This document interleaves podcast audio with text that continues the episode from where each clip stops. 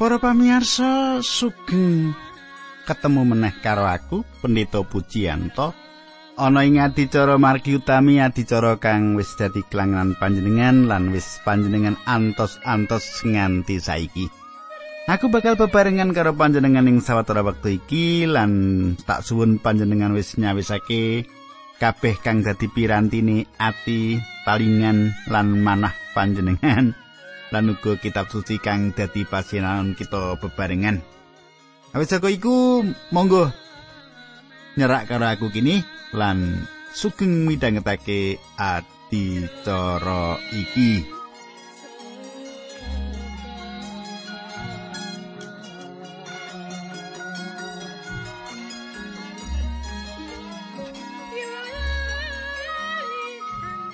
Sumitraku, ing pateman kita kepungkur kita wis nyemak kepiye bangsa Israel nampari kemenangan nalika peperangan karo bangsa Amalek. Kemenangan iku awet saka Gusti kang nganti lan berkahi bangsa Israel mau sebanjure perkara apa maneh kang bakal diadepi dening bangsa Israel lan Nabi Musa. Kita bakal nyemak dina iki nanging sadurunge iku kita ndedonga. Sadurunge ndedonga, aku ngaturake salam disi karo Ibu Raharjo, Bapak Ibu Raharjo. Kados pundi Bapak Ibu Raharjo, saya-saya to inggih matur nuwun Pak. Kula sampun keparingan nyipeng wonten dalem panjenengan nalika panjenengan wonten kasisahan kula mboten saged sowan nggih awit yo aduh Pak Raharjo nggih. Nah, sugeng midhangetaken adicara menika Pak Raharjo lan monggo kita ndedonga. Duh Kanjeng Rama ing swarga kawula ngaturaken gunging panuwun menawi wekdal menika kawula saged tetunggilan, saged sesarengan kalian sedherek kawula. Kawula matur nuwun ing saben-saben kawula tasih kaidinan. Mika pangandikan patuko lan maos pangandikan patuko. Kawula pasrahaken adicara menika wonten ing asta patuko linambaran asmanipun Gusti kawula Yesus Kristus kawula netunggal. Haleluya. Amin.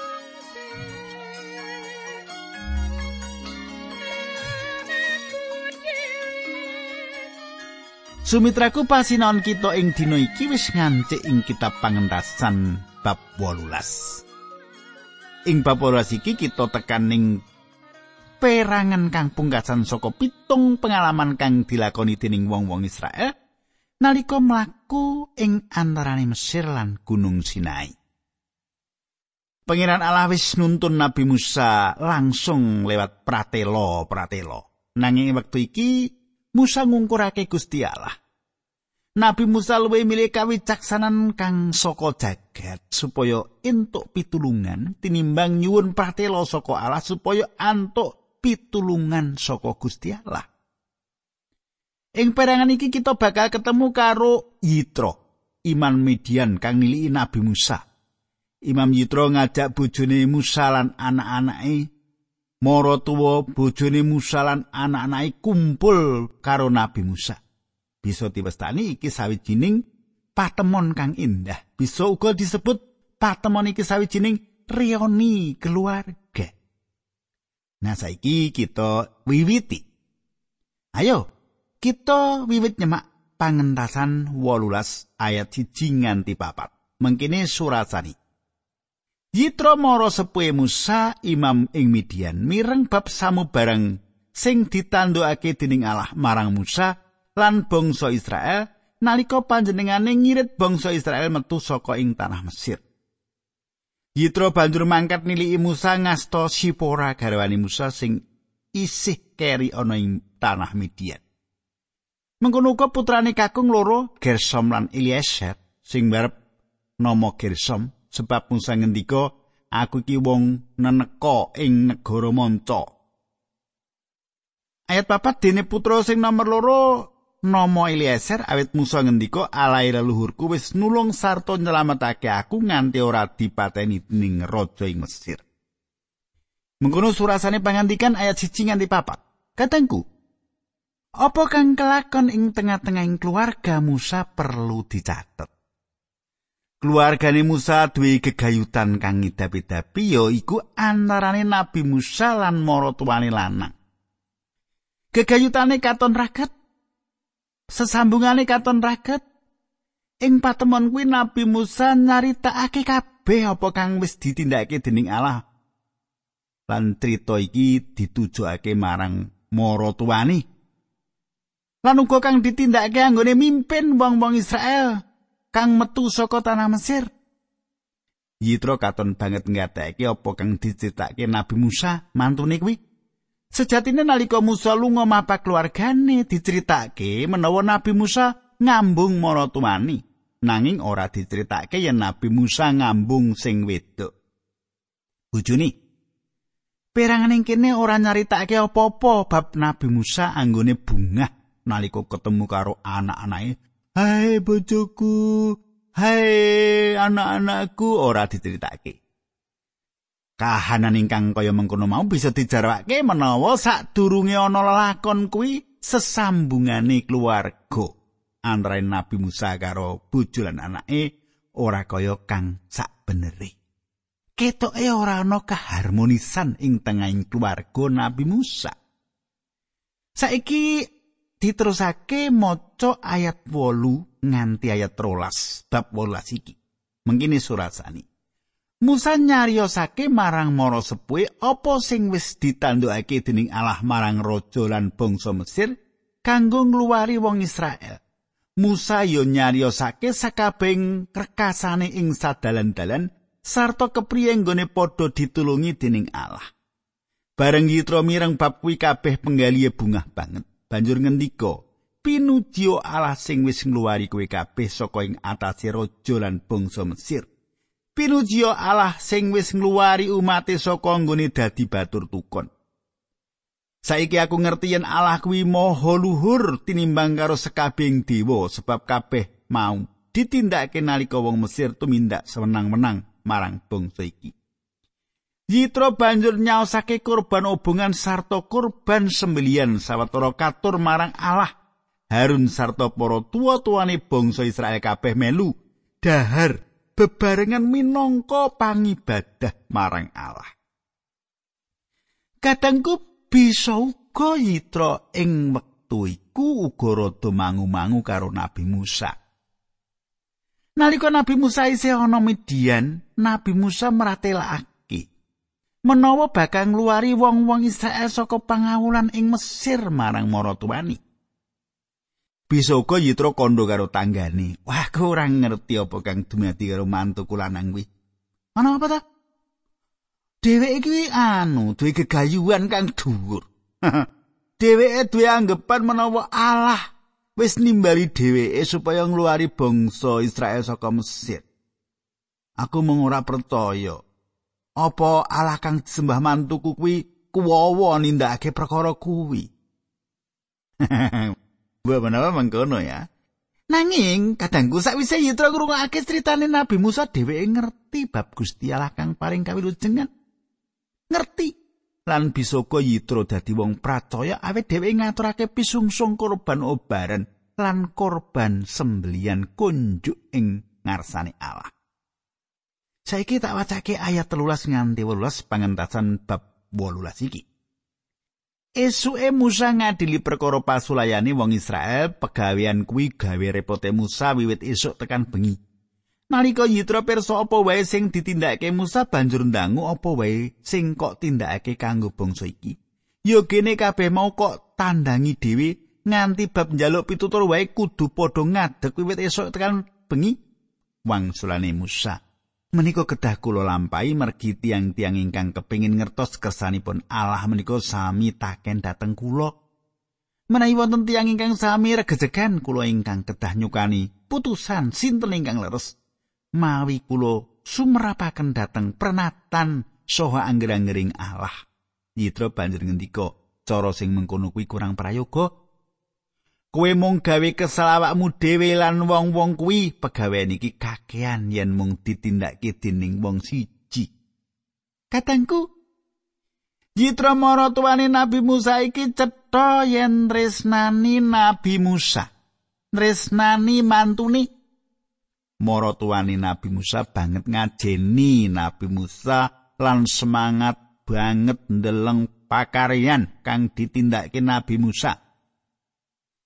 Nalika Yitro kumpul karo Nabi Musa. Lan ngerti kaya ngapa repote Nabi Musa ngurusi urusane wong akeh, gawe keadilan. Mula tuwing pikirane menehi pitutur menehi pamrayoga kang bisa dadi entenging momotan kewajiban kang disangga dipikul dening Musa. Coba panjenengan gatekake. Ayat 19 nganti pitulikur tak wacake bab 18 pangentasan iki. Coba pituturku iki lakonono. Gusti Allah bakal nunggil karo kowe pancen becik makili bangsa iki ing ngarsane Allah sarta nglantarake sarupaning perkara marang panjenengani nanging kowe kudu uga mulang wong-wong kuwi bab pernataning Allah sarta nuturi carane urip sing becik sarta nindakake pegawean sing prayoga Kejaba kuwi kowe kudu milih wong lanang sawetara sing sembodo iku dadekno hakim sing lurai wong sewu, wong satus, wong seket lan wong sepuluh, wong-wong mau kudu sing ngabekti marang Allah, kena dipercaya serta ora gelem nampani besel. Wong-wong mau kudu kang ngadili umat ing samong-samongsa.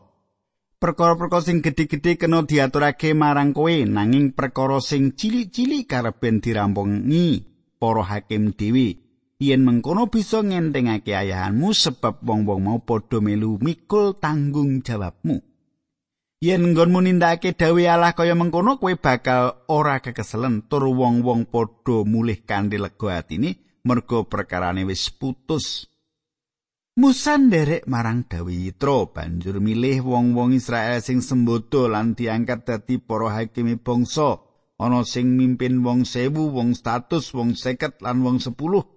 Wong-wong mau dadi hakim gumathok kang ngadili wong-wong sing padha perkaran. Perkara sing angel diaturake marang Musa dene sing gampang dirampungake dewi. Sawise mengkono Musa nuli nguntapake Yitro kundur menyang negarane.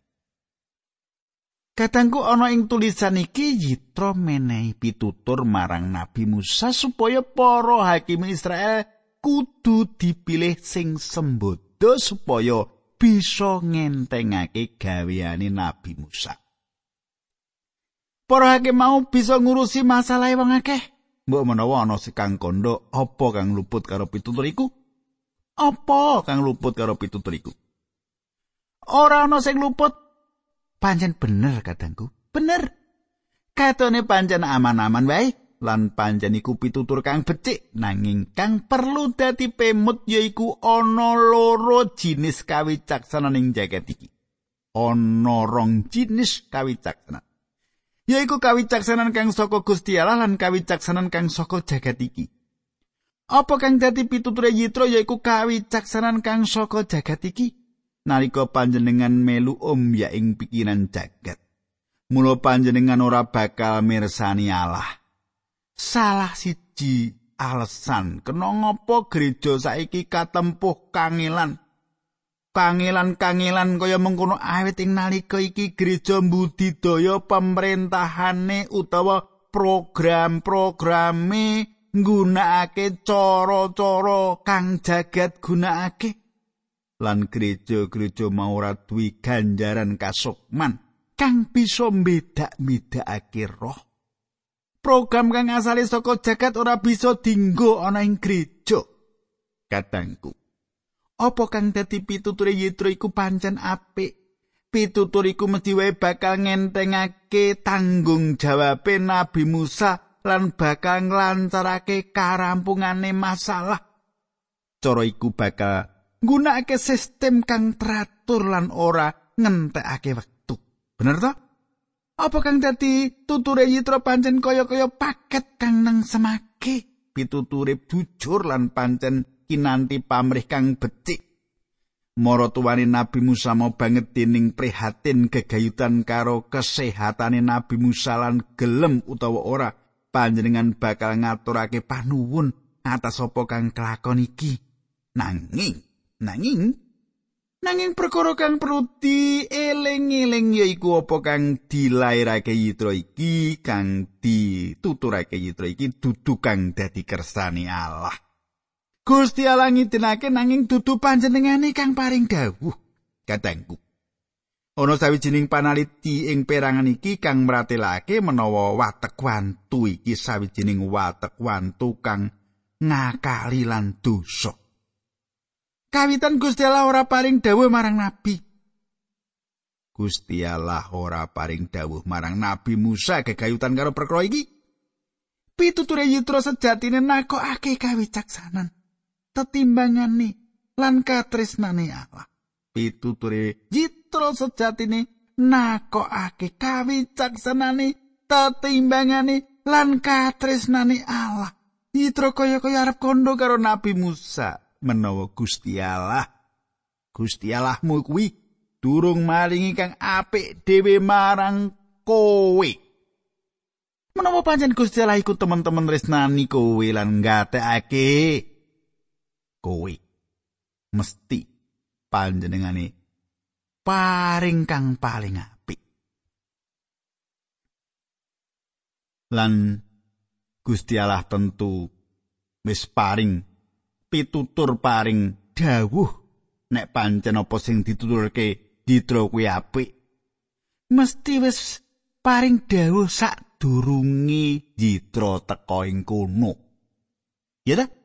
Kadangku aku tau krungu kandhane wong yen apa kang dadi pituture Yitra kuwi sawijining wisik ula kang wis misuwur ing Taman Eden iki kandhane wong. Panjenengan kelingan to? Apa kang dikandhakake marang kawa ula mau kandha mekene. Oh, yen kowe gelemangan woh ing wit kuwi, kowe bakal dadi wong kang wicaksana lan Gusti Allah ora ngidinake kowe mangan woh iku. Gusti Allah durung paring kang apik dhewe marang kowe to. Nah, apa kang dadi kandhane Jitra mau meh padha karo apa kang ditindakake ula marang kowe.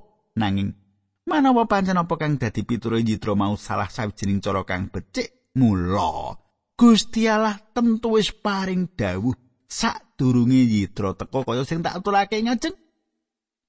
Kang pindho kang perlu dadi pangeling-eling kita kadangku yaiku Gusti Allah wis mulungake astane langsung bebarengan karo Nabi Musa.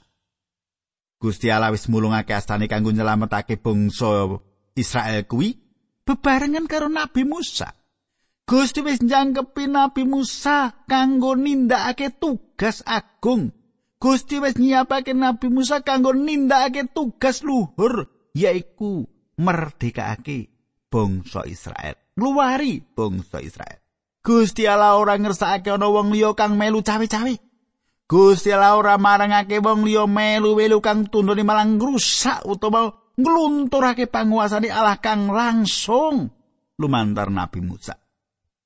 Kita kudu eling Gusti Allah ngendika marang Nabi Musa iku adepan. Adepan. Kaya aku karo panjenengan.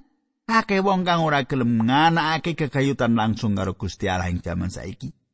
Wong-wong mau luwe seneng gegayutan karo manungsa. Wong-wong mau luwe seneng gegayutan karo gereja, upacara, buku to malah lunga menyang konser musik. Kabeh kuwi duwe papane.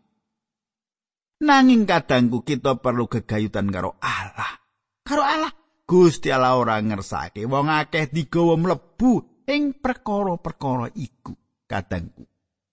Kang kaping telu kang perlu dikateke apa kang dadi pituture yitra mau nyipta organisasi kang saka organisasi kuwi tukul golongan pitung puluh kang disebut Sanhedrin. Kang 1500 tahun kang bakal teka saka jaman mau kang duwe rancangan piye supaya putrane Allah kuwi mati. Nabi Musa ora mbutuhake organisasi iki. Gusti Allah paring marang Nabi Musa pangmoso kanggo nindakake tugas lan kewajiban kang angel iki. Pitung puluh wong iki ora patek migunani tinimbang karo wong siji. Paling ora ana sang roh Allah kang lancarake lan paring kuwasa marang manungsa. Kadangku ana wong duwe panemu menawa kang dibutuhake gereja supaya kasil kuwi metode kang bener. Metode kang bener jarine. Ing jaman saiki akeh pendeta kang budidaya lebur karo kang sinebut generasi baru. Para pendeta mau kondo yen kepingin gegayutan sesambungan karo apa kang sinebut generasi baru iki. Gusti Allah ora mbutuhake metode, Gusti Allah ora mbutuhake organisasi, Gusti Allah ora butuhake akeh wong. Gusti Allah ora butuhake sistem upacara utawa tumindak becik. Gusti Allah nyingkirake kabeh kawicaksanan jagat kanthi mengkono. Ora ana apa-apa meneh ing antarané jiwa panjenengan karo panjenengan. Kadangku kawicaksanane kang saka jagat lan kawicaksanane kang saka Gusti Allah kuwi tansah lawanan. Akeh banget kanthi mengkono sing ana yaiku kang siji kawicaksanan lan liyane patra bodho. Ing layang Korinta 3 ayat 12 tekan 19 mengkene surasane. Aja ana wong sing ngapusi awake dhewe. Yen ing antaramu ana wong sing duwe pangira dadi wong wicaksana, manut ukure kadonyan ben wong kuwi dadi bodho supaya bisa wicaksana temenan. Sebab apa sing dianggep wicaksana dening jagat kuwi dening Gusti Allah dianggep bodho. Kaya surasane kitab suci wong-wong pinter kuwi dikala dening Gusti Allah srana kapinterane wong mau dewi. Rasul Paulus meratelake uga ing 1 Korinta loro ayat 4. Enggonku memulang lan ngabarake Injil ora srana tembung sing muluk-muluk manut kapinterane manungsa, nanging srana bukti sing mratelake kuasaning Roh Gusti Allah. Kadangku, kita ora perlu dadi pinter lan gunakake kapinteran iku kanggo nyowanake wong liya marang Sang Kristus. Apa kang kita butuhake ya iku kawicaksanan kang saka Gusti Allah. Iku kang bakal nuntuni kita. Kita mbutuhake panguwasa Allah lan dudu metode anyar. Apa panjenengan bener-bener sumendep marang kawicaksanan kang saka jagat utawa panjenengan budidaya goleki Gusti Allah supaya nuntun panjenengan kanthi kawicaksanan kang saka ngaluhur. Kadangku saiki kita bakal mlebu ing kitab pangentasan bab 19 ing bab 19 nganti 24 bakal ana gegayutane karo pepakone Torat. Wong-wong Israel wis tekan ing Gunung Sinai lan ing kene wong-wong mau sarujuk nampa pepakone Torat, hukum Torat Samestine apa kang wong-wong mau tindakake yaiku ngijolake siramat karo pepakone Torat. Saiki bab 19 ayat 1 tekan loro. Sawise lelakon mau bangsa Israel banjur budal saka Rafidim ing tanggal siji sasi katelu sapungkure saka Mesir padha tekaning ora samun ing pegunungan Sinai banjur padha ngedekake kemah ing sikiling gunung Sinai kuno. Kadangku wong-wong Israel wis tekaning Gunung Sinai papan ing ngendi pepakone Torat bakal kaparingake. Gusti Allah bakal urusan karo umat kagungani. Panjenengane bakal paring wewengan marang umat kagungane supaya gawe putusan apa umat kagungane mau tetep tetunggalan karo Allah supaya tetep mimpin kanthi cara kang wis tau ditindakake wit saka Mesir nganti tekan gunung iku utawa umat kagungane mau luwih seneng nampa pepakone Torat. ayat telulan papat.